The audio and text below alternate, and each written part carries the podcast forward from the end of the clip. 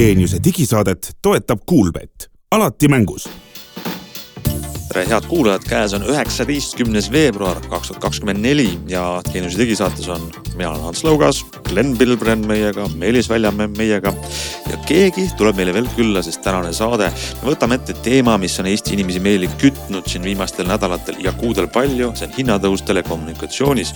meil on võimalus küsida otse, miks hinnad nii rängalt tõusevad Telia Eesti juhi käest, aga kindlasti võtame ette ka muud teemad, mis telekomis Eesti inimestele korda lähevad, mis selle raha eest vastu saab, kuidas vaadata mugavamat televiisorit, miks on kaabelinterneti hinnad nii kõrged ja kuhu Eestis internetikiirused arenevad.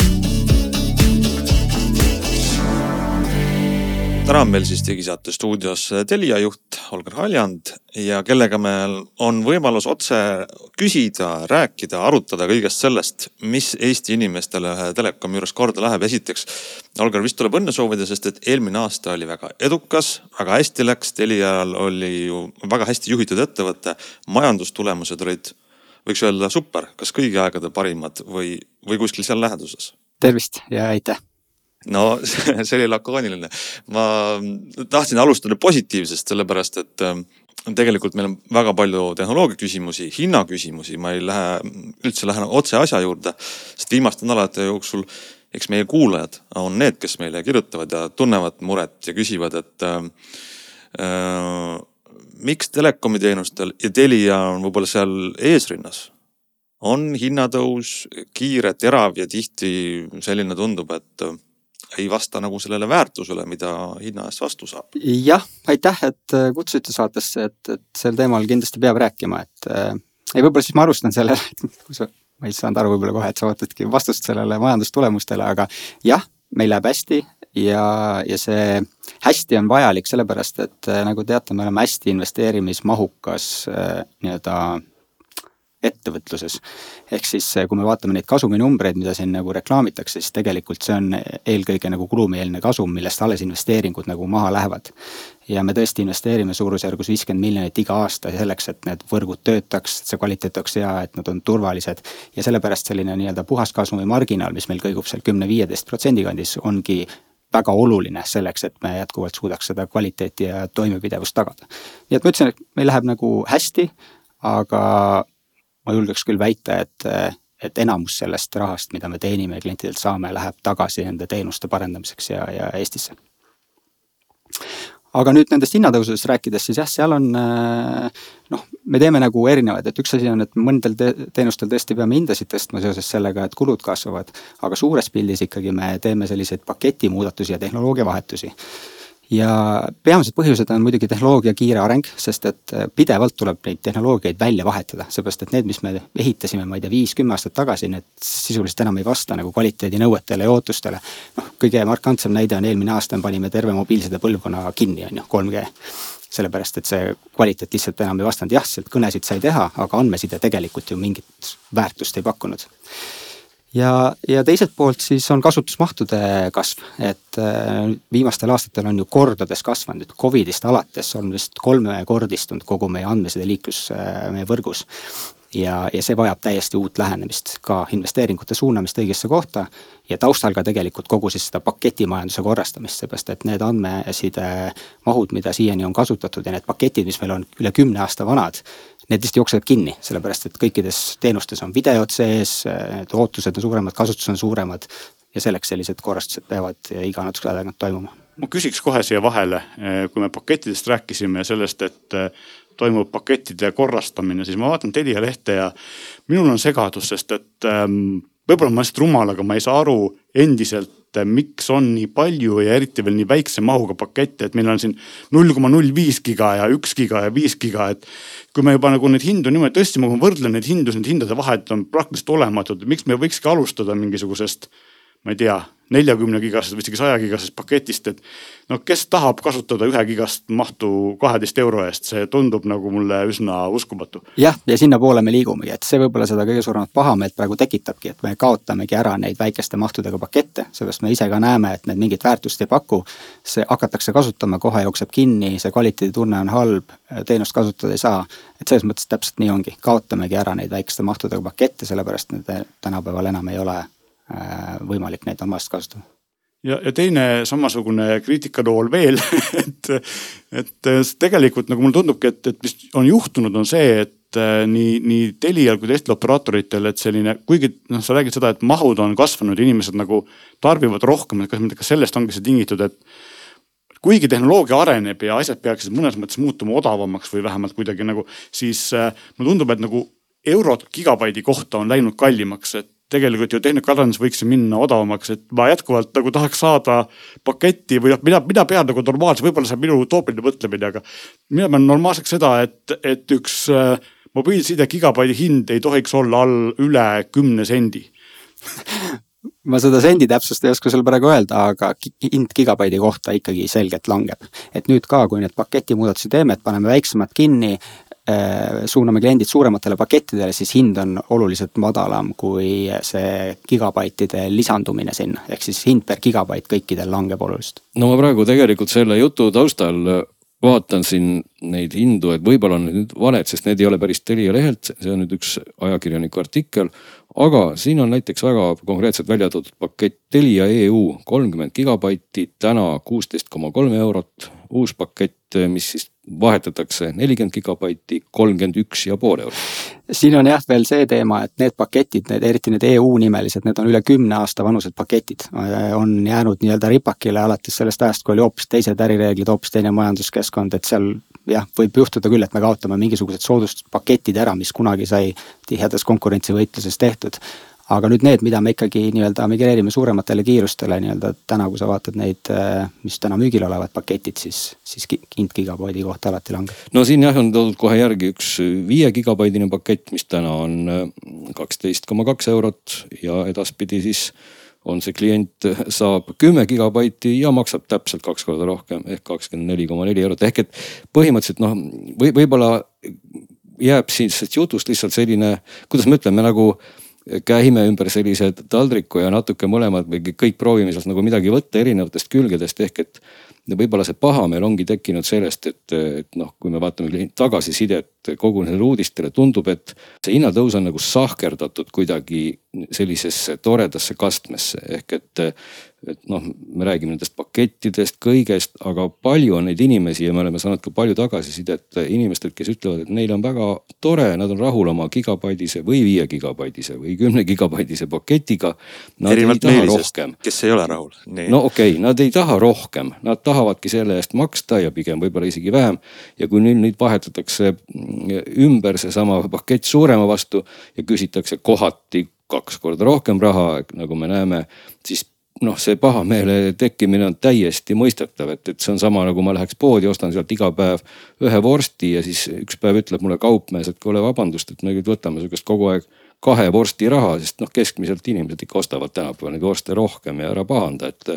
noh, et see, see nagu tundub selline, selline nagu kavalusega käe ajamine rahakotti pehmelt öeldes. mis Volker oskad selle kohta osta, sul on kindlasti mingi hea vastus sellele. Ei, ma tahaks lihtsalt öelda ikkagi, et me proovime võimalikult läbipaistvalt täpselt seda kuvada, et äh, aga siin on segadust palju, sellepärast et kasvõi see näide, mis sa tõid, et hind läheb äh, kaks korda kallimaks, tegelikult ongi see, et kuna need vanad paketid, mis me ära kaotame, on nii vanad, et tänapäevased hinnad on nii palju kõrgemad, siis see uus pakett letihinnaga on kaks korda kallim, aga me nendele klientidele kunagi seda sellise hinnaga ei paku, me teeme neile suured soodustused peale. nii et siin oli vist käis ajakirjandusest läbi ka see, et tegelik hind tõuseb kakskümmend protsenti, aga ta saab kakskümmend kaks korda rohkem mahtu. et, et me peame jah, neid nii-öelda praegu natukene vaiksemalt nii-öelda no neid migreerima, selles mõttes ja arvestama sellega, kust kliendid tulevad tõesti oma kümne aasta vanuste pakettidega, et need hind ei tohi kindlasti kaks korda tõusta. et kui klientidel on nii-öelda, ei ole vaja tõesti nii äh, suuri mahtusid, siis noh, siin sai, Meelis tõi ka välja, et, et tegelikult meil ikkagi on veel selliseid väikse mahu pakette olemas, et, et igaüks saab minna ikkagi iseteenindusse ja vaadata üle, et kui palju ta siis täpselt tarbib ja kas ta tahaks valida madalama mahuga pakette. tehniline küsimus või, või selline tehnilist turunduslik küsimus, et, et miks mitte pakkuda kliendile suuremat paketti sellisel juhul, et eh, noh panemegi talle saja gigase paketi ja kui ta kasutab sellest ära viis, siis tegelikult selles mõttes ei juhtu ju midagi, et Telia serverid saavad vähem koormust ja. ja noh, inimene ei hakka sellepärast rohkem kasutama, et ta suurem pakett on mitte oma kogemusest, eks ole, et ma ise kasutan suhteliselt vähe, aga mul on suur pakett. igaks juhuks, kunagi võib suvel jääb tarvis, kui ma kuskil käin juures tööd teen, eks. aga just selles mõttes, et, et kas on mõtet hoida alles mulle tundub, et need on ka nagu halduse mõttes nagu keeruline, et kui sa pead hoidma nagu kaheksat paketti viie asemel, eks ole, et. et võiks ju võtta need väiksemad paketid ära ja need inimesed, kes lihtsalt ei kasuta, siis ei kasuta ja ongi kõik. muidugi noh, teine küsimus hinnas, aga kui ma vaatan hinnavahe, siis ega hinnavahed väga suured ei ole siin nagu kõige odavama ja, ja ülejärgmise paketi vahel. just, ega me täpselt sinna suunas liigumegi, aga nagu sa väga hästi välja tõid, et ega seal hinna küsimus ikkagi on. ja siis tekib tunne, et kui mul on suur pakett, aga ma seda ei vaja, et siis ma maksan nii-öelda tühja. et selleks me veel neid väiksemaid pakette mingil määral hoiame, aga pikas perspektiivis kindlasti tekivad äh, suuremahulised paketid kuni selleni välja, et meil on üks päev ainult üks pakett, see on piiramatu ja kõigil ühtemoodi. aga mis meil täna niimoodi võib-olla keskmisena, ma ei tea, kas seda infot on sul olemas, et, et palju keskmine selline palju keskmine klient tarbib andmesidet, olgu et keskmine ja ütle otseselt nüüd midagi, aga see on võib-olla huvitava numbrina, et mis see siis täna on? jah, see on natuke nagu haigla keskmine temperatuur, et äh, mul isegi seda ja. numbrit praegu peast võtta ei ole, aga me näeme, et et nendes pakettides, mis kliendid on, et ongi, mida suurem pakett, seda rohkem kasutatakse, ehk siis see nagu osakaal paketi kasutusest on ka, läheb ülesse. et täna ikkagi kliendid, kellel on väiksed paketid, tugevalt piiravad seda kasutust ja mida vabamaks ja piiramatuks see maht läheb, seda rahulikumalt seda kasutatakse. kas ma sain aru siit veel teise küsimusena seda või vastusena, et sa mainisid, et, et need kliendid, kes nüüd tulevad tõesti selle hästi vana ja siis soodsa paketi pealt ja saavad siin kahekordse mahu, kahekordse hinnatõusu. Lugesin ma sealt vastuse ridade vahelt nii välja, et neid ootavad ees suured personaalsed soodustused. Jah, kahekordset hinnatõusu keegi kindlasti ei saa, et kui me näeme, et sellised paketi muudatused toimuvad nii-öelda süsteemis, kus kahekordse hinnaga peaks kaasnema kahekordne või kahekordse mahuga peaks kaasnema kahekordne hind, siis me kindlasti teeme sinna peale soodustused, et, et seda ei juhtuks. ilmselt on probleem ka selles saadavas nagu äh, väärtuses või inimesed tihti ei näe näe, mis need investeeringud sul taga on. no mingit ähm, telekomi tehnoloogiat on hästi hea, mul telefoni ekraani nurgas on kirjas, oli 3G, siis muutus 4G peale. mul oli hea tunne, et ma maksin rohkem, aga näed, uus põlvkond, nüüd tuli 5G, ma saan näidata sõpradele ja, ja ise ka mõelda, et nüüd on kiirem internet. aga päris palju sellest nagu viimasel ajal, see 5G jutt on juba nagu paar aastat vana. et klient ei näe seda, mis need investeeringud sul taga on võib-olla lihtsalt tunnetuslikult, et kui sa täna oled nii-öelda harjunud vaatama, ma ei tea, Youtube'i või mingit filmi või videot telefonist, see tundub juba nii normaalne, et see peabki nii töötama, aga kui me läheks paar põlvkonda mobiilsidest tagasi, siis see lihtsalt ei töötaks, seda ei oleks võimalik, sa ei saaks tänast elu elada oma vana tehnoloogia peal. minul on selle, selle jätkuks kaks küsimust, esimene on lihtsam, teine on keerulisem. lihtsam küsimus on see, et mulle tundub või mulle jääb mulje kõigi operaatorite puhul on see, et inimesed on tänapäeval kodus harjunud päris palju juba, mitte kõik küll siiski kahjuks, aga päris palju on harjunud äh, optikaga ja, ja lineaarse ühenduskiirusega. aga mobiilsides on endiselt see, et äh, üleslaadimine on kõvasti aeglasem kui allalaadimine, ma saan aru, et mahud on ka sellised. aga kui inimesed jätkuvalt teevad, ma ei tea, Tiktoki ja, ja Instagrami, siis mulle tundub, et üleslaadimise mahud on läinud nagu kõvasti suuremaks, eks ole, et kas, kas on nagu võimalist tehniliselt või üldse plaanis eh, siis ka upload'i kiirusi natukene nagu ülespoole lükata, ta ei pea lineaarne olema, eks ole, aga selline kümne või kahekümnekordne vahe, nagu ta praegu kohati on, tundub nagu veits kehv tänapäeval just sellepärast, et ka üleslaadimismahud, eriti noorte hulgas kasvavad ja, ja see on tingitud nüüd sellest, et raadioside ressurss on piiratud ressurss, et kui optikas sul on sihuke suur valguskanal, sealt läheb kõik üles-alla nii palju kui tahad. siis raadiosides me peame seda hakkama kuidagi juhtima, sest et raadiosagedus on piiratud. ja siis me ise teadlikult vaatame, et kuna enamus kliente, enamus mahtu on allalaadimises, siis me paneme sinna suurema riba ja siis jätame väiksema riba sinna teise kohta, aga nüüd ongi, mida tehnoloogia edasi areneb, siis äh, mõnes mõttes on tulevikus võimalik seda teha kliendipõhiselt. ehk siis, et kui me näeme, et sina näiteks kasutad viiskümmend, viiskümmend, siis me saaks sulle näiteks ribalaiust pakkuda viiskümmend, viiskümmend. ja kellel on üles, et selles mõttes see annab nagu sellist paindlikut juhtimist, aga, aga täna on see eelkõige raadioressursi optimeerimise ülesanne. just, aga selles te olete sellest teadlik, eks ole, et mahud, ka üleslaadimise mahud kasvavad ja, ja sellega tuleb arvestada. okei okay,, mu teine küsimus on tehnilisem ja ma ei tea, kas sa üldse oskad sellele vastata või võib-olla sa ei ole õige inimene, aga. kuidas on läinud niimoodi, et kui meil tulevad kõik need uued ägedad tehnoloogiad, me räägime siin 5G-st ja voice over LTE-st ja voice over wifi'st, siis. enam ei ole nagu sellist ühtset standardit, et millegipärast peab iga tootja tegema iga operaatori jaoks eraldi konfi ja see vähendab nagu seadmete ühilduvust kõvasti. vanasti oli siis see, et, et panin SIM-i sisse olid GSMA poolt loodud standardid ja need töötasid, et, et see segadus nagu tundub mulle väga kehv nii, nii siis kasutajate, tootjate kui operaatorite võtmes, et kuidas see olukord on üldse nii läinud ja miks see on nii läinud? jah, võib-olla see läheb natuke tehniliseks, aga tegelikult needsamad, mis sa mainisid, voice over LTE, voice over wifi, need on ikkagi standardid. Ja küsimus on lihtsalt, et kuidas äh, telefonitootjad neid implementeerivad et osad lihtsalt jätkuvalt kasutavad mingeid lihtsamaid võimalusi, aga tegelikult need on standardid, neid implementeeritakse. ainuke erisus on võib-olla see, et neid tuleb nii-öelda operaatorite põhiselt ja maade põhiselt, regioonide põhiselt testida. et, et, et igal pool ühtemoodi töötaks, aga tegelikult need on ikkagi GSMA-ga koostöös ju välja töötatud standardid ja sest praegu on ju ikkagi see, et, et nagu kui ma ostan mõne telefoni, mis ei ole ma ei tea, Telia valikus näiteks siis ül, ülimalt tõenäoliselt ma ei saa seal tööle neid asju, et Motorola telefon, pikslid nüüd hakkasid lõpuks, eks ole, siis nad, Google ise võttis selle teema ette. aga siin on päris palju teisi, just nagu see vähendab, vähendab siis konkurentsi, eks ole, see tegelikult ei ole telefoniturul just. ja see ei ole mõnes mõttes hea. ma saan aru, et teie, teie operaatori jaoks on see, on see suur kulu, eks ole, need testimised ja asjad ei, see ei ole, see ei ole isegi meie taga, tegelikult me oleme lihtsalt nagu riigina nii väiksed ja regioonina väiksed, et need suured tegijad keskenduvad enne suurtele regioonidele ja nad ei selles mõttes ka hoiavad oma kvaliteedistandardit, nad enne ei ava ühtegi võimalust, kui nad ei ole selle kohalike operaatoritega ära testinud, et see töötaks ja see ongi vajalik, sest et see muidu okay. ei pruugi töötada. siis mul on lisa, lisaküsimus, et kui me räägime siin meist kui väiksest firmast, Telia on suur kontsern, kas tehnoloogiad erinevate riikide kaupa on niivõrd palju erinevad, kas me saame äkki lahendada kuidagi nii, et testitakse kuskil ühes riigis ära ja deploy takse igale poole või see on, võrgud on erinevad? võrgud on ikkagi niivõrd piisavalt erinevad, et meil on ka tegelikult kontserni sees erinevate tootjate võrkusid. et, et seepärast tuleb ikkagi iga võrgu, isegi ühe maa põhiselt tuleb iga operaatoriga eraldi ära testida. me rääkisime juba GSM-aast, eks GSM assossioonist, siis kui tuli e-SIM-i standard, siis äh, nad andsid välja lausa pressiteate, kus nad ütlesid, et kõik läheb klientideks palju paremaks, palju mugavamaks. SIM-i vahetamine ei ole kunagi enam nii keeruline, kui ta praegu on. võtad mingisuguse nõela ja, ja pead sellega seal sebima.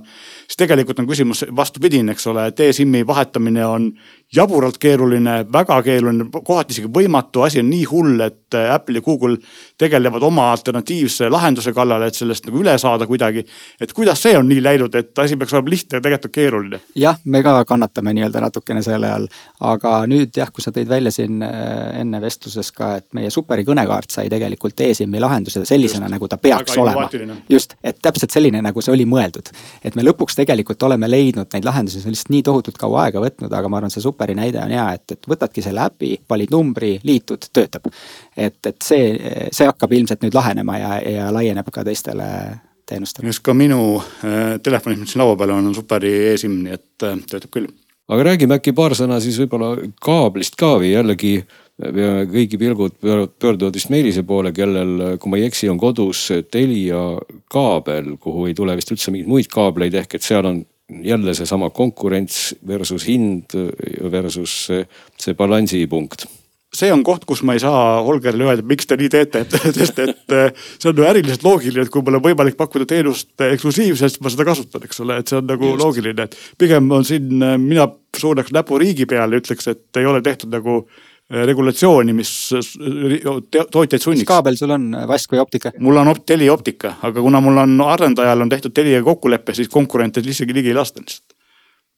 ehk siis mul ei ole konkurentsi, mul on Telia monopol ja Telia küsida mu käest täpselt nii palju raha, kui ta ise tahab, sest mul ei ole alternatiivi. aga me ei küsi, me küsime ikkagi igal pool ühte sama hinda, et selles mõttes ei ole sellega probleem aga see on hea teema, see kaabli teema, sest et, et sellest on palju ka räägitud ja, ja see on meie üks selline noh, suuremaid investeeringukohtasid, et, et kui meil noh, et optika ja vase ja kiire ja aeglane ja, ja selle osakaalud, et, et meie eesmärk on ikkagi ju jõuda nii kaugele, et ükskõik mis kaabel, ükskõik mis tehnoloogia sul on, sul on vähemalt saja megabittine ühendus tänaseks me oleme umbes kaheksakümne viie protsendi peal oma võrgust, kus selline võimalus on olemas, aga noh, viisteist protsenti on ikkagi veel kümned tuhanded kliendid, kes seda ei saa.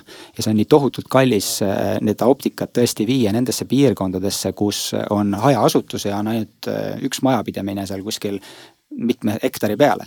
et äh, selleks on see riigi abi ja toetus väga-väga teretulnud ja seda on lihtsalt täna veel algusjärgus, seda on veel vähe, aga see on see, mis lahendab, sellepärast et äh, lihtsalt jah, kui ärimudelist rääkides, ma võin rääkida lihtsalt sellest taustast, et kui me nagu ühe majapidamiseni see noh, sellise hajaasutuse keskmine ehitushind on kümme tuhat eurot ja kui saja megabittine ühendus maksab kakskümmend seitse eurot, noh siis äriliselt see mitte kunagi ära ei tasu. ja sellepärast on hästi oluline, et seda ehitaks jah, riik. no tegelikult oligi küsimus teie kui operaator, kuidas teie nagu tunnete oma nahal seda, mis praegu toimub, et need riigi poolt kuidagi toetatud asjad nagu ei arene ja. ja see asi nagu ei toimi, et ma tean, siin oli alles hiljuti oli mingi uudis, et, et operaatorid ei suuda, ei taha pakkuda teenust, sest et nii-öelda see võrgu omanik küsib liiga palju raha, eks ole. ja teised kohad on sellised, kus on inimeste käest raha võetud, aga võrku tegelikult ei suudeta, ei suudeta luua, et. Teie ilmselt tunnete ka seda valu, eks ole, tahaks teenust pakkuda, aga ei saa. absoluutselt jah, et me oleme täna sealt nagu eemal hoidnud, meie toetusi ei kasuta, me ehitame jätkuvalt nii-öelda oma klientide raha eest, sellepärast et me näeme, et väga suur töö on veel ära teha just nendes äh, suurtemates piirkondades, kus on, äh, kus on ka võimalik äriliselt neid ehitusi nii-öelda õigustada aga jah, see toetuste teema, noh, see toob mitut nagu probleemi ja üks on see, et millised on toetuse tingimused kõigepealt, et äh, praegu on omafinantseeringud ka päris kõrged, nii et noh, isegi selle toetusega on äriliselt väga raske seda õigustada. ja teine, mida ta toob, on jah, selliseid skeemitajaid nii-öelda, et, et kus meil tõesti ehitatakse võrk välja ja me ei saa sinna ligi, me ei saa seda teenust pakkuda, et, et äh, päris keerulised olukorrad on tekkinud. aga kui me nüüd sellest veel räägime, et noh, ilmselgelt äh, ju on ju nii, et nendes kohtades nagu just kirjeldasid, kus ikkagi see viimane mill läheb jube kalliks, seal ikkagi 5G on nagu see lahendus, mis tulevikus paratamatult olema saab või ja, kunagi mingi järgmine tehnoloogia? ja 5G ka juba, et äh, nüüd see kombinatsioon ongi, et tegelikult kliendil ei tohiks olla vahet, et mis tehnoloogial ta seda saja megabitist saab. meie eesmärk on nagu tehnoloogiast sõltumatult see sada megabitti igasse koju ikkagi nii-öelda äh, viia, praegu on küll eesmärk, et kaks tuhat kolmkümmend võiks olla see hetk, kui see on nagu tehtud vähemalt Telia nii-öelda võrgus. sest et see on äh, vajab veel päris palju investeeringuid nii mobiilivõrkudesse kui fiksvõrkudesse, aga see kombinatsioon on oluline sellepärast just, nagu enne rääkisin, et raadioressurss on piiratud ressurss, et me ei saa kõiki 5G-sse viia, isegi kui 5G on kiire, seal on palju mahte. aga nii, kui sulle tuleb palju kliente, nii jällegi see raadioressurss lihtsalt ammendub, on ju. et seepärast selline optika, kiire vase 5G kombinatsioonis tekib see lahendus, kus kõik saavad oma saja megabitse ühenduse kätte üks hetk. Nii, küsiks siia vahele jälle ebameeldiva küsimuse.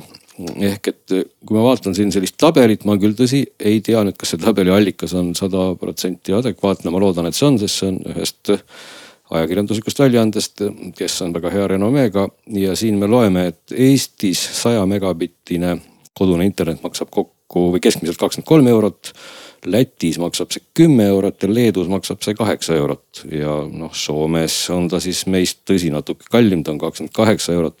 ehk et me ikkagi oma hindadelt oleme väga Põhjamaal, aga, aga nagu kiirused ja kõik per hind tunduvad sellised kummalised, et oskad sa midagi lihtsalt nagu selgituseks öelda, isegi mitte võib-olla ainult siis noh, et miks teil, ma mõtlen Telial nii on, aga aga miks need numbrid sellised imelikud on? jah, et DESI indeksi järgi ja selle uuringu järgi ütleme saja megabitises ühenduses me oleme Euroopas kuuendaks kõige odavam riik jah, Läti, Leedu on odavamad, aga enamus on ikkagi väga palju kallimad.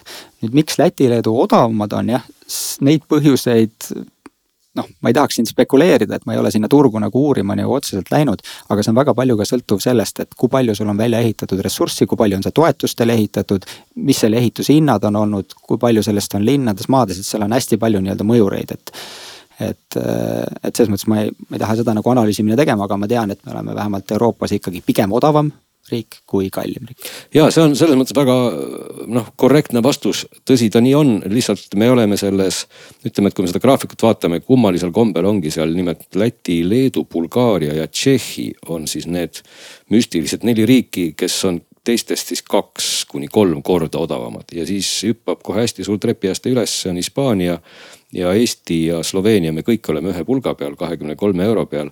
ja sealt edasi hakkab see siis riburada pidi tõusma jah, et täitsa seal all või üleval, kust, kustpoolt vaadata on siis meil Norra ja Island, kes on seal kuuekümne, viiekümne kandis. ehk et jah, me oleme Euroopas sellised head keskmised, aga lihtsalt meie sellised väga lähinaabrid on väga odavad, mis tekitab tõesti sellise küsimuse, et noh, kuidas siis nii, et lähme siitsama maatüki pealt üle piiri ja hind langeb kaks korda, eks ole, või kolm korda. ja üks asi, mida ma olen nii-öelda kuulnud, on see, et äh, ühes riigis äh, on lihtsalt see optika välja ehitatud mingi aeg, see on riigi toetustel välja ehitatud, see seisab tühjana.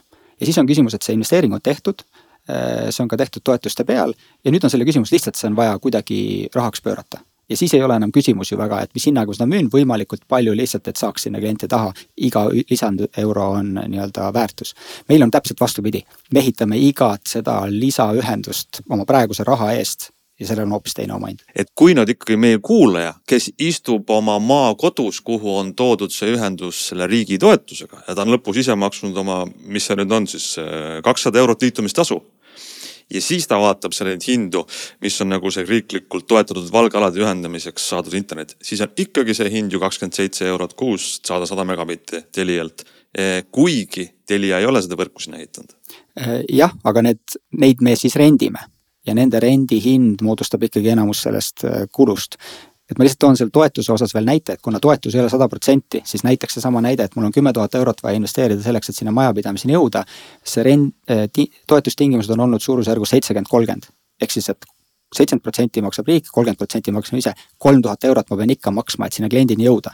ja nüüd see kakskümmend seitse eurot, kui kaua ta ära tasub selleks, et see kolm tuhat eurot ära tuua, tagasi tuua, noh et see on kümneid aastaid. kas see tähendaks siis ikkagi seda, et meie võime vähemalt kahjurõõmsalt mõelda, et eh, lätlased ja leedukad hakkavad varsti maksma sama palju kui meie või sel ajal, kui nemad maksavad sama palju kui meie, maksame meie juba kaks korda rohkem. väike lahutus. ma jällegi, ma ei oska seda Läti või Leedu nagu näidet kommenteerida, et äh, lihtsalt ma tean seda, et kui sa täna ehitad ja investeerid, siis see see lihtsalt äh, ei saa odavam nii-öelda olla. Need, kes on selle varem valmis ehitanud, võib-olla odavamatel aegadel ka ja neil on see ressurss käes, siis siis neil see võibki odavam olla.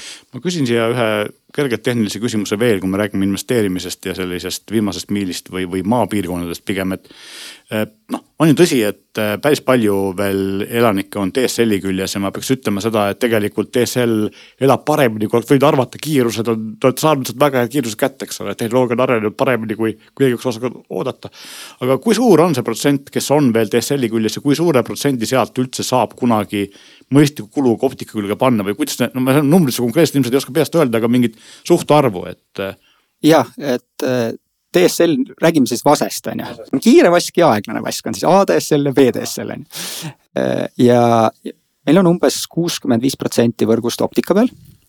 Ja siis ütleme, viisteist protsenti on siis selle aeglase vase peal. ehk siis me oleme suutnud väga suure osa sellest vanast vasekaablist tegelikult kiirendada läbi selle, et me teeme need jupid lühemaks, me paneme sinna vahele need nii-öelda võimendid. aga on jäänud sellised hästi pikad vaseliinid mida lihtsalt me ei saa tükeldada või me ei saa sinna nagu kiiremat ühendust pakkuda ja nendele me peame alternatiivid leida ja nende alternatiivid ongi see, et kas sinna hajaasustusse liigub kunagi optika riigi toel või sinna läheb 5G. et neid mingi otsa me ei saagi kiireks, aga kõik need, kus on nii-öelda linnapiirkondades vaskkaablid, need me saame tegelikult kiireks, et me suudame täna vasskaabli peal kujutate ette tegelikult, et seesama kaabel, mille peal teil oli nii-öelda nõukaajal telefoniliin Äh, sellesama kaablile tuleb täna kakssada megabitti sekundis, kui me seda tehnoloogiat uut kasutame, on ju. ja osad nendest kaablitest on pandud, ma ei tea, teisel maailmasõjal on ju, äh, maasse et see on tegelikult uskumatu, mis tehnoloogia on teinud. okei okay,, ühesõnaga, et, et ma saan aru sellest, et need kohad, kus on nagu selline päris aeglane vask väga vanast ajast maasse kaevatud, ma ei tea, teise maailmasõja aegsest. see on kohti, kus neid kunagi ei ole otstarbekas ega võimalik asendada, eks ole, seal pigem läheb ikkagi 5G peale, juhtmevaba peale kunagi see asi need kohad just, mis on äh, hajaasustuses, ehk siis kus on hästi pikad liinid, kus siis äh, pole võimalik vahepeal neid tükeldada ja kuidagi võimsamaks teha. et siis need lähevad kas optika peale üle või kui optika sinna kunagi ei jõua tõesti sel samal põhjustel, mis me oleme rääkinud, siis, äh, siis on raadiotehnoloogiad ja 5G. võib-olla räägime sisust natuke ka, et teenustest ja, ja nii edasi, et üks suur muudatus, mis Eesti turul on toimunud, on see, et Viasat läheb ära ja kogu see sport, mis väga paljudele südamelähedane on, läheb Go3 kätte, et ma tean, et teil on mingil määral on Go3 koostöö olemas, et kas on plaanis nagu nende spordiülekannetega mingit koostööd teha ka või seda te ei oska veel öelda, et? ei, igal juhul, et Go3 teenuseid me müüme edasi, Go3 kanalid on meie pakettides nähtavad. ja, ja kui Go3 saab head sisu, siis see jõuab ka Telia kliendini, et, et, et selles mõttes on kõik hästi. teine küsimus on see, et kui nüüd, mis puudutab nüüd teisi, teist sisu, et ma vaatan seda, et küll jah, teie enda Inspira plussi sisu on läinud päris märgatavalt paremaks. Paremaks kui konkurentide sarnane sisu, ma julgeks isegi öelda. aga kui vaatame nagu neid nii-öelda partnereid, paar aastat tagasi käis Karl ja tema ütles, et nagu tema nägemus vähemalt on selline, et, et operaator võikski olla selline vahendaja, kes pakub nagu hästi palju, siis agregeerib nii-öelda erinevaid sisuteenuseid. siis praegu ma vaatan, et noh, on HBO ja on siis FX või kunagine Fox, oli vist Fox, eks ole. siis nende sisu on ikkagi nagu suhteliselt nõrk, et kuidas nende lepingutega on, kas seal on nagu lootus midagi paremaks või on seal mingid lootused, tulevad mingid uued partnerid juurde, et kui me palju maksame, tahaks nagu palju saada, eks. ja, ja, ja sellega ma olen nõus, et, et selle üle tulebki kurta ja, ja, ja seda me surume ise ka iga päev, et, et meie teenus võib olla kallis, aga ta peab olema siis ka kõige parem. ja, ja see, mida Karl rääkis, seda strateegiat tegelikult me ajame ikka veel edasi, see on lihtsalt jällegi tohutult keeruline meie väikses Eestis, et saada Disney, Netflix on ju, kõik need pardale, et me saaksime neid teenuseid paremini oma nii-öelda äh, seal äh, teenuses pakkuda. me oleme kogu aeg liigume edasi ja ma siiski usun, et nad nüüd üks hetk tulevad.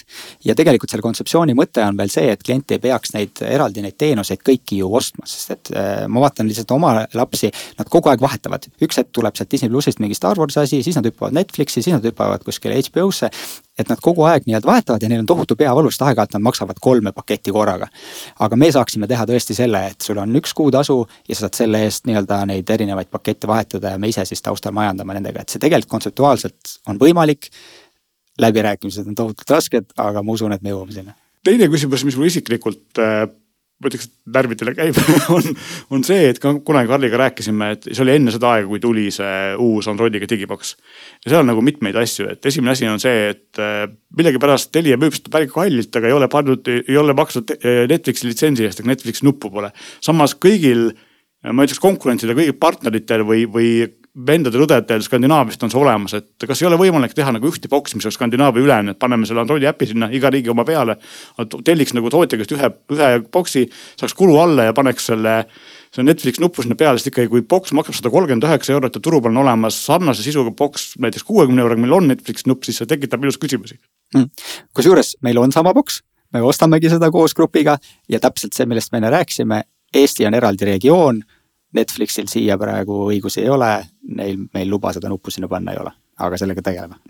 väga palju kurdetakse, mitte ainult Telia puhul, aga ka teiste puhul seda, et nüüd, kus on nii-öelda vabadus, et ma võin tellida sisuteenust ükskõik millise operaatori oma üle ükskõik millise äh, internetiteenuse. on juhtunud see, et varasem äh, sisu kvaliteet või ütleme siis, et voo kvaliteet on läinud kehvemaks, et minu teada Telial ei ole, vabandan, kui ma eksin. aga kas ei ole nii, et kui mul olen Elise, Elise võrgus näiteks ja kasutan Telia TV-d, siis on lausa seitsesada kakskümmend B, mitte tuhat kaheksakümmend B, et. kas on plaanis nagu parandada striimi kvaliteeti kasvõi kallimates pakettides ja kasvõi seda bitrate'i ka natuke üles ajada, sest praegu on ikka kohati päris ruuduline, et, et see, see kokkupakkimine on päris, päris kole, et kas seal on mingeid edu, edusamme märgata või? Jah, no praegu on see, et me suudame oma bitrate'i maksimaalsel tasemel pakkuda oma võrgus, sest et siis me näeme seda internetikiirust, me saame seda juhtida koos selle telepildiga ja seal on meil ikkagi enamus HD-st ja ma ütleks, et see kombinatsioon on nagu väga hea. teiste võrkude peal on see natukene keerulisem aga ma ütlen, et meie teenus iseenesest, me piirame seda ainult siis, kui me näeme, et see internetiühendus kas ei ole piisav või ei võimalda või meil on mingisugused häired seal. aga meie enda Telia võrgu peal enda internetiühendusega enda telepilt on maksimaalse kvaliteediga alati mida see ühendus võimaldab? mina ise väga otseselt kurta ei saa, aga ma tean, et inimesed kurdavad, et siis ma sellepärast küsin. et, et on, on. see tehnoloogia on selles mõttes nagu keeruline, ma ütlen, et see taandub sellele jälle sellele kiirele tehnoloogia arengule. et needsamad boksid, need jäävad nii kiiresti vanaks. täna neli-viis aastat vana boks enam ei suuda mitte midagi striimida, on ju, sest et need vood on läinud, kvaliteet on läinud üles, sisu on nii palju juurde tulnud. et sellepärast see nihuke bokside vahetus, tehnoloogiate vahetus, pakettide vahetus, see peab pidevalt toimuma kogu aeg okei okay,, mul üks küsimus veel tehnoloogia ja paketi, ühesõnaga tehnika koha pealt, et mis puudutab boksidest me rääkisime, räägime ruuteritest ka, et äh, siiamaani minu arust teil ei ole ühtegi ruuterit, millel oleks wifi kuus, rääkimata wifi seitsmest või kuus eest, et päris vana tehnoloogia peal ruuterid on, kas seal on ka mingit äh, arenguid näha? ja, et äh, ruuteriga toimub samamoodi see pidev areng, et tuleb, ongi wifi viis, wifi kuus, wifi seitse. miks meil võtab see võib-olla natuke kauem aega, on see, et me arendame sinna sisse ikkagi oma tarkvara, seepärast et äh, me tahame seda kvaliteedikontrolli teha pidevalt seal ruuteri sees. ehk siis näha, et kui on mingisugused anomaaliad ja asjad, siis me saame seda nii-öelda võrgu poolt ise juhtida, parandada. aga, aga täpselt samamoodi nagu digiboksidega jah, neli aastat vana ruuter on täna juba vana, see tuleks välja vahetada ja, ja meil tulevad kogu aeg pidevalt uued ruuterid, et noh, selles mõttes see on nagu ühelt poolt on nagu hea, vahetan välja, saan jälle hea kvaliteedi, aga ma tahaks öelda, et see tulevik võiks olla nagu ruuteri vaba kliendi jaoks ja digiboksi vaba. et see on see, millega me tegelikult täna veel kõige rohkem tegeleme, et telekates on juba näha, et me saame äppe arendada. aga tegelikult tahaks ka ruuteritest lahti saada, et meil on juba mõned pilootmajad tegelikult, kus me oleme ehitanud siis nii-öelda selle võrgu sinna majja sisse. niimoodi, et sa tuled sisuliselt koju, sa teed läpaka lahti liitud internetiga ja kasutad, eks sa ei pea mõtlema selle peale, kas mul on wifi siin toas, mul on wifi teises toas, mul ruuter kuskil. et seda kõik teha nii-öelda Telia võrgu osaks ja et me saaks ise vastutuse võtta selle eest ja vahetada seda siis, kui see on äh, aeg käes. mul sellega seoses tekkis või meenus lihtsalt üks meiega hiljutine teema ja kasutades lihtsalt juhust võib-olla ma veel ka selle küsimuse siia põrgatan. et äh, Telia äpp Äh, teistes nutitelekates, kus ei ole Androidi ehk siis Tizen ja Veeb.os. küsitakse meie käest väga palju. just, ja meie käest ka. mis seisus see võiks olla? oleme Nii. proovinud sinna arendada neid ja kui te mäletate, siis oleme ka kaks korda korralikult ämbrisse astunud, et oleme ühe LG telekate seeria täitsa maha võtnud, ühe Samsungite seeria maha võtnud. probleem on selles, et äh, nad annavad meile ainult kaks aastat tegelikult tootjatuge. nii et põhimõtteliselt nad eeldavad, et äh, telekas peaks kahe aasta pärast igal kliendil vahetuma, aga mis on täiesti ebareaalne et, et sinna see teenuse arendus ja arendustugi on lihtsalt nii piiratud võimalustega, et äh, seda, me ei suuda seda kvaliteeti tagada ja seepärast Android on ainuke platvorm, kus me täna suudame oma nii-öelda teenust kontrollida ja. mis see tootja tugi sisuliselt tähendab, see tähendab siis, et kahe aasta pärast juhtub mis? Äh, nad sisuliselt ei uuenda enam oma mingisuguseid tehnilisi komponente seal, ehk siis, et meie teenus peab jääma samasuguseks, nagu ta esimesel arendusel on või siis me peame kardinaalselt muutma. tegelikult oma... seda me oleme siin saates ka rääkinud ja kurtnud ja, ja vahendanud siin klientide muresid, et eh, nutitelerid nagu jah, ei, ei jäävad kiiresti vanaks, ütleme siis niimoodi, eks ole, et see on probleemiks. aga okei okay,, Android, Android ja, ja siis Android on Android ja, ja Tizen ja Webossiga nii nagu on. kas see põhimõtteliselt tähendab siis nüüd ikkagi seda, et Samsung ja LG teleri ostja võib siis noh, Telia äpist käed ja silmad puhtaks pühkida? no ütleme niimoodi, et praegu me sinna seda teenust ei arenda jah, kuna me just proovisime ja ikkagi nii-öelda ebaõnnestusime just koostöös nagu Samsungiga nende tingimustena nagu kokku läksime, sest see tehniliselt oleks ka meie poolt hallatav ja jätkusuutlik. küll aga me tegelikult kogu grupiga äh, survestame ja, ja, ja proovime leida lahendusi, et, et kuidas Samsung saaks garanteerida meile pikema aja vältel selle teenuse uuena hoidmist. me teame ju, kuidas Telia äpp kogu aeg uueneb. me tahaks teda ju üle kahe, kolme, nelja aasta ka teleks uuendada, ei saa, ei taha öelda kliendile, et vaheta oma teleks välja, et siis saad alles uue äpi. et selliste nagu läbirääkimistel me praegu oleme aga siin just noh, võib ühtepidi mõelda, et Eesti on küll väike, aga teistpidi on ju Telia on, on suur. et kas kõik teised maad, kus, kus need teenused nii-öelda ka pakkuda on, et kas see ei ole nagu piisav jõuõlg ka siis survestamaks isegi noh, Samsungi suurust tegijat või et ma mõtlen, et me ei ole ju siin nagu üksi oma pisikeses Eestis selle murega või? jah, ja seda me kasutamegi praegu ära, et äh, proovime, aga noh, ütleme Telia Grupp Põhjamaad, Baltikum kokku on ikkagi nagu noh Aasia vaates väga-väga mikroskoopiline. aga, aga meil on tõesti, see annab meile jõudu ja me oleme laua taga, et see on juba suur asi. ja et mis, mis veel meie lugejad-kuulajad küsivad, on siis äh, Apple TV, ma saan aru, et Apple TV selline äh, nagu kogus, mis inimestel olemas on, ei ole väga suur, aga samas mulle tundub nagu sellise diletandina, kes tegelikult kodeerimis midagi ei tea, et kui teil on olemas iOS-i äpp, siis peaks Apple TV äpi tegemine olema suhteliselt nagu lihtsam, kui hakata Dysonis nullist tegema, et kas see on plaanis või mõte? Apple TV on tõesti nagu töökindlam ja, ja praegu on jäänud takistuseks ainult see, et seda on tõesti nii vähe, et me pigem oleme keskendunud Androidile, mis on laiemalt levinud ja siis äh, telefonidele, veebiliidestele. sellised paadunud või ütleme siis tulihingelised Apple'i fännid, neile ei meeldi üldse, et, et mingi asi käib Androidi peal, eks ole, ja nad on väga vihased selle peale. no nii Äh, ma arvan, et me oleme saanud nüüd äh, pingida siin Telia juhti Holger Rannaldit iga erineva nurga alt. võib-olla päris kolmsada kuuskümmend kraadi mitte, aga, aga päris palju. Ehm, küsiks Holgeri käest seda, et kas tal endal midagi öelda, mida me küsida ei osanud, et äh, rääkida midagi sellist, midagi positiivset, midagi ägedat, mis Telia tulevikus pakkuma hakkab. mida sa ise tahad rääkida? mis sa ise tahad rääkida no ma kokkuvõtteks tahaks tänada ikkagi kõiki meie kliente, et äh, usaldate meid ja, ja ma saan vastu lubada selleks, et me tõesti teeme kõike, et pakkuda oma klientidele maailma parimat telko ja IT-teenust et äh, me keskendume ikkagi kvaliteedile, turvalisusele, need on meie kõige kõrgemad prioriteedid ja, ja, ja see on see, mis äh, lõpuks peaks nagu kõige olulisem olema, et kui me vaatame ka, kuidas maailm praegu areneb, et kuidas nii-öelda küberturvalisus mõjutab ärisid, kuidas andmed ja privaatsus mõjutab nii-öelda erakliente ja kuidas me nii-öelda sinna maailma liigume, siis äh, noh, me saame tulevikus ikkagi valida ainult nende vahel, keda me usaldame, kes pakuvad maksimaalset kvaliteeti, turvalisust, privaatsust ja kes on partnerid nii-öelda sellel keerulisel digimaailma liikumisel teel. et, et see on see meie prioriteet, sinna me investeerime ja, ja me oleme tänulikud kõigile, kes meiega sel teekonnal kaasas on no siinkohal tuleb öelda aitäh Holger Haljandile, kes äh, oli nõus tulema meie mikrofoni ette, vastama kõigile küsimustele. ja meie omakorda lubame, et äh, võtame kuulajate küsimusi ka edaspidi ja kui neid suurem ports koguneb, kutsume Holgeri tagasi. tänaseks aga kõigile aitäh kuulamast ja tulge meiega tagasi juba nädala pärast